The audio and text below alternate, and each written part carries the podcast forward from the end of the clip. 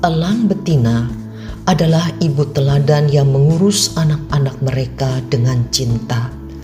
Sebelum bertelur, sang induk menyiapkan sarang di bukit-bukit tinggi, sedang di bawahnya terbentang jurang yang sangat terjal. Rangka sarangnya terbuat dari ranting keras dan duri tajam yang dilapisi rumput halus dan cabutan bulu-bulu dada sang induk agar sarangnya menjadi nyaman. Setelah dierami beberapa lama, telur menetas dan muncullah anak elang kecil yang masih belum tumbuh bulu-bulunya. Saat anak elang lapar, paruhnya akan ditengadahkan ke atas, lalu sang ibu memasukkan makanan hasil buruannya ke mulut anaknya, sehingga anak elang pun mulai tumbuh semakin besar Kala angin kencang berhembus, sang ibu merentangkan sayapnya menutupi sarang untuk memberi perlindungan. Suatu saat, anak elang kaget. Makanan dari ibunya tiba-tiba dihentikan. Perangai sang ibu jadi berubah, kejam, sehingga sang anak jadi bingung. Kenapa ibu jadi seperti? Di waktu yang lain sang anak elang lebih kaget lagi saat sayap sang ibu dikibaskan sehingga rumput halus dan bulu-bulu di sarang berhamburan keluar. Kini tinggal ranting dan duri tajam yang menusuk badan. Ibu, teganian kau melakukan ini semua kepada anakmu Anak elang semakin kaget lagi sewaktu ia diusir dari sarang dengan didorong keluar sehingga jatuh terjun melayang. Ibu, kenapa mau kau bunuh anakmu sendiri? Namun ketika si anaknya itu hampir menyentuh dasar jurang, sang ibu menyambar dengan cepat dan menyelamatkannya.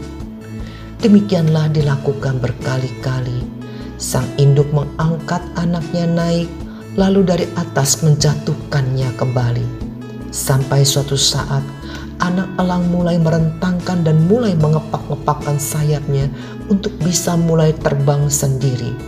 Melihat ini, induk elang dengan riang gembira mengajak sang anak terbang tinggi, tinggi, tinggi sekali sampai naik di atas awan.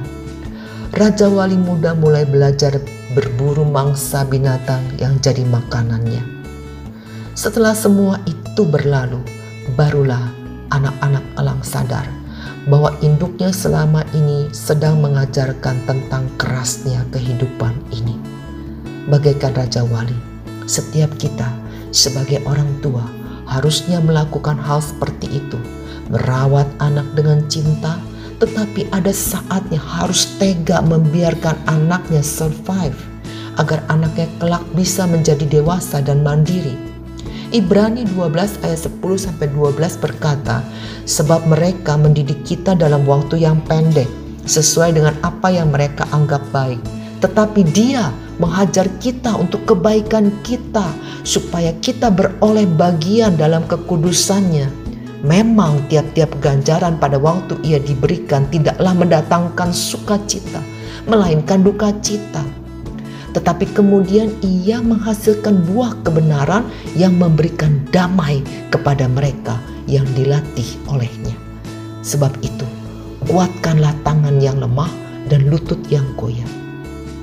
Saudara, dalam kehidupan kadang kita berteriak, Tuhan di mana engkau? Kita seperti dibiarkan sendiri. Padahal pada saat itu Tuhan sedang mengajarkan kita untuk bisa terbang mencapai level lebih tinggi lagi. Bukankah tidak ada kenaikan kelas tanpa ujian? Jadi saat kita tidak mengerti apa yang sedang terjadi dalam hidup ini,